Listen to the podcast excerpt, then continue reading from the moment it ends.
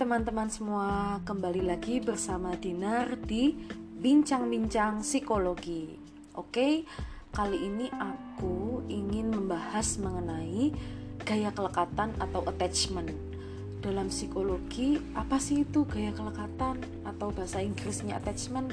Jadi, attachment itu menggambarkan cara kita berrelasi sama orang lain terutama akan sangat sangat nampak pada hubungan asmara bagaimana kita mempertahankan hubungan kita dengan pasangan kita, pola kita seperti apa, cara berperilaku kita seperti apa gitu. Nah, di sini akan dikupas tuntas kenapa sih ada orang yang posesif, tapi juga ada orang yang dia itu easy going gitu dalam hubungan asmara, tapi juga ada yang malah dingin. Nah, itu perbedaan itu uh, antar individu berbeda karena setiap individu memiliki gaya kelekatannya masing-masing.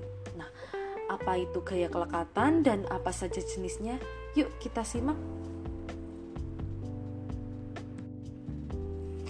Nah, gaya kelekatan yang paling baik di antara gaya kelekatan lain yaitu gaya kelekatan aman atau secure attachment. Orang dengan secure attachment akan memiliki relasi yang positif dengan pasangannya. Kenapa aku bilang positif? Karena dia itu mampu mempercayai pasangannya, tidak posesif, dan dia itu nyaman ketika pasangannya bergantung dengan dirinya, dan dia juga nyaman ketika dia itu bergantung dengan pasangannya. Tetapi dia juga bisa memberi jarak yang sehat dalam hubungan. Jadi nggak terlalu dekat juga nggak terlalu jauh. Jadi porsinya tuh seimbang gitu loh.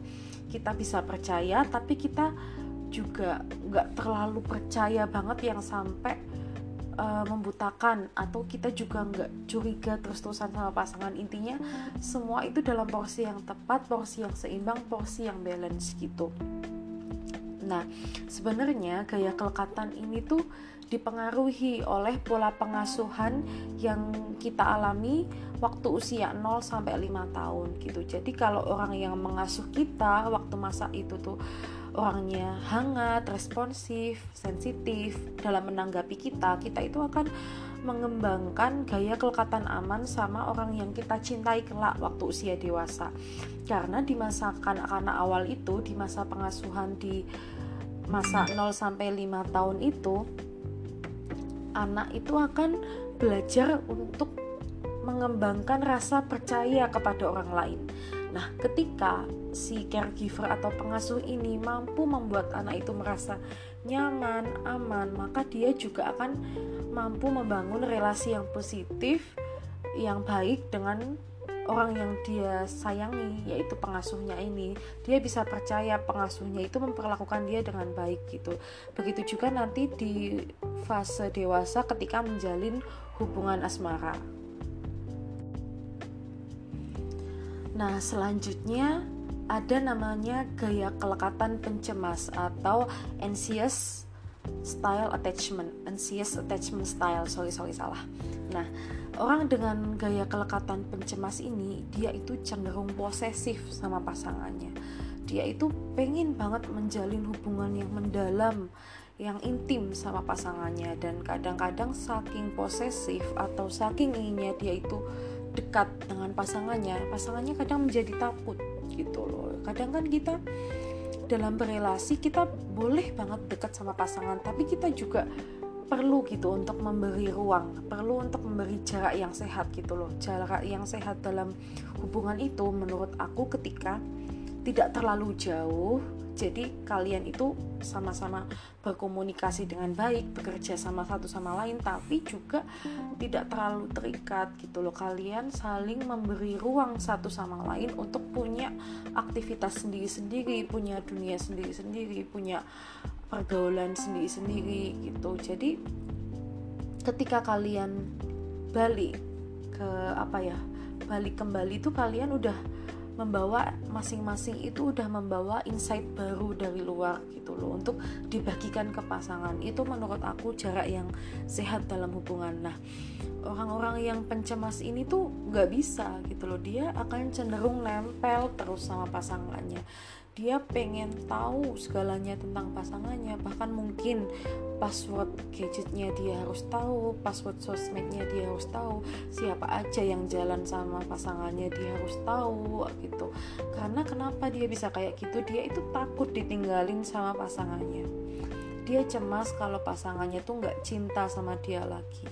Dia tuh ragu apakah pasanganku ini benar-benar sayang sama aku gitu loh. Kenapa bisa kayak gitu?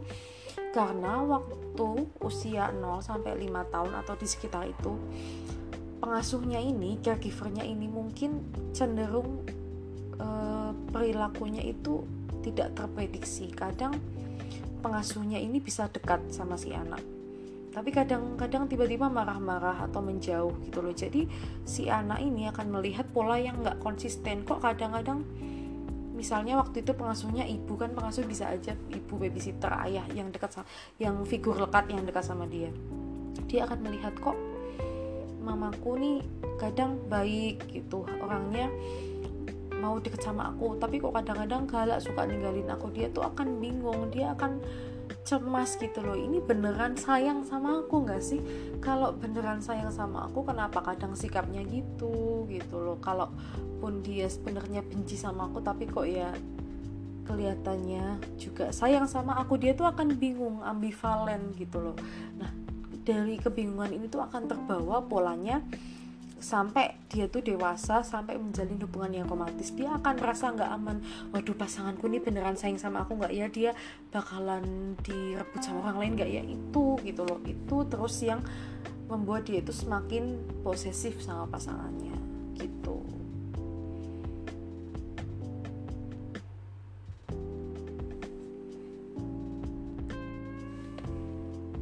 Nah, yang terakhir nih uh, gaya kelekatan menghindar atau avoidant attachment.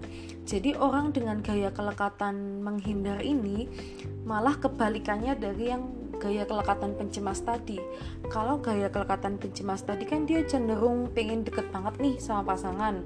Terus kalau yang gaya kelekatan yang secure atau ama, aman, dia itu pengen deket sama pasangan tapi nggak deket-deket banget, jadi yang masih wajar gitu.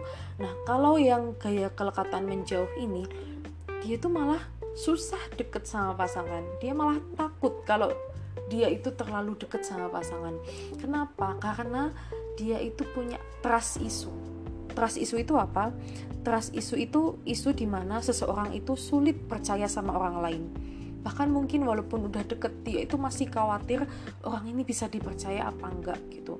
Jadi kalau kita lihat ada orang yang dia itu dingin dalam hubungan asmara menjaga jarak gitu loh. Kayak susah menjalin hubungan yang intim atau cenderung ketakutan kalau orang itu mau mendekat mendekat mendekat ke dia. Atau kayak seolah-olah mengulik-ngulik privasi dia. Padahal mungkin yang dilakuin pasangan itu biasa aja nggak yang mengulik privasi atau gimana namanya dalam hubungan asmara kan pasti sharing hal-hal yang dalam itu kan wajar ya. Beda hubungannya sama temen asmara itu kan lebih deep gitu kan. Apa yang di share nah orang dengan gaya kelekatan menjauh ini nggak bisa gitu loh. Nggak bisa untuk mencapai tingkat keintiman seperti pada orang umumnya. Dia akan selalu punya batasan punya ruang yang itu tuh nggak bisa ditembus oleh pasangannya padahal itu sebenarnya ruang yang sebenarnya masih wajar diketahui oleh pasangan gitu. Nah kenapa seseorang itu bisa punya gaya kelekatan yang menjauh seperti ini? Karena di masa kanak-kanaknya usia 0 sampai 5 tahun ini kemungkinan pengasuhnya ini melakukan rejected penolakan atau pengabaian dia menolak kehadiran si anak ini jadi ketika dia ditolak kehadirannya diabaikan si anak ini udah terbiasa menjalin hubungan yang renggang gitu loh. Dia akan menciptakan pola itu gitu loh. Dan itu terbawa sampai pola relasinya di usia dewasa gitu. Nah gimana nih cara mengatasinya? Kalau misal kita tuh punya kayak kelekatan yang nggak baik kayak kelekatan pencemas atau yang menjauh menurutku tetap harus psikoterapi ke psikolog gitu. Dan kalau rekomendasi dari aku nih tips dari aku nih kita melakukan yang namanya mempraktekkan yang namanya self love gitu. Mencintai diri kita sendiri. Karena menurut aku orang-orang yang gaya kelekatannya nggak aman orang-orang yang kelekat, gaya kelekatannya nggak aman ini kan yang menjauh sama yang pencemas. Itu mereka itu berharap pasangannya itu yang memenuhi rasa cinta di diri dia yang dulu dia tidak dapatkan waktu kecil gitu. Padahal ketika dewasa itu kan sumber hubungan kita kan terpusat pada hubungan asmara bukan dengan orang tua lagi. Sementara di usia dewasa tuh orang tua udah nggak bisa memenuhi hal yang seharusnya itu dipenuhi di masa kanak-kanak. Jadi kita itu mencarinya di pasangan gitu loh. Nah bagaimana sih untuk mengobati itu kalau biasa yang aku lakuin nih gimana caranya self love cinta sama diri sendiri kalau aku ditanya aku biasanya melakukan relaksasi gitu. Relaksasi mindfulness atau mungkin bahasa lainnya itu meditasi karena prosesnya mirip ya. Memejamkan mata menyadari, menyadari nafas tarik nafas panjang hembuskan gitu. Hembuskan pelan-pelan tarik pelan-pelan. Nah sambil aku melakukan relaksasi itu menarik nafas menghembuskan nafas aku biasanya bilang ke diriku sendiri hey Dinar I love you. Thank you. Forgive me. I'm sorry gitu. Jadi kita mengucapkan terima kasih terus minta maaf maafkan aku aku cinta kamu tuh sama diri sendiri gitu loh. Kita sering-sering ngobrol apa self talk gitu bicara sama diri sendiri untuk gimana ya untuk memberikan apresiasi gitu loh. Biar kita itu nggak selalu bergantung sama kasih sayang dari pasangan pujian atau apresiasi dari orang lain kita itu juga harus mengembangkan sendiri cara-cara untuk kita bisa bersahabat sama diri sendiri. Gitu. Itu sih tips sedikit tips dari aku tentang gimana tentang self love ini bisa mengcover apa gaya kelekatan gaya kelekatan yang gak aman tadi. Nah untuk di podcast selanjutnya aku pengen banyak bahas tentang self love ini. Jadi segini dulu podcastnya. Semoga bermanfaat. Dadah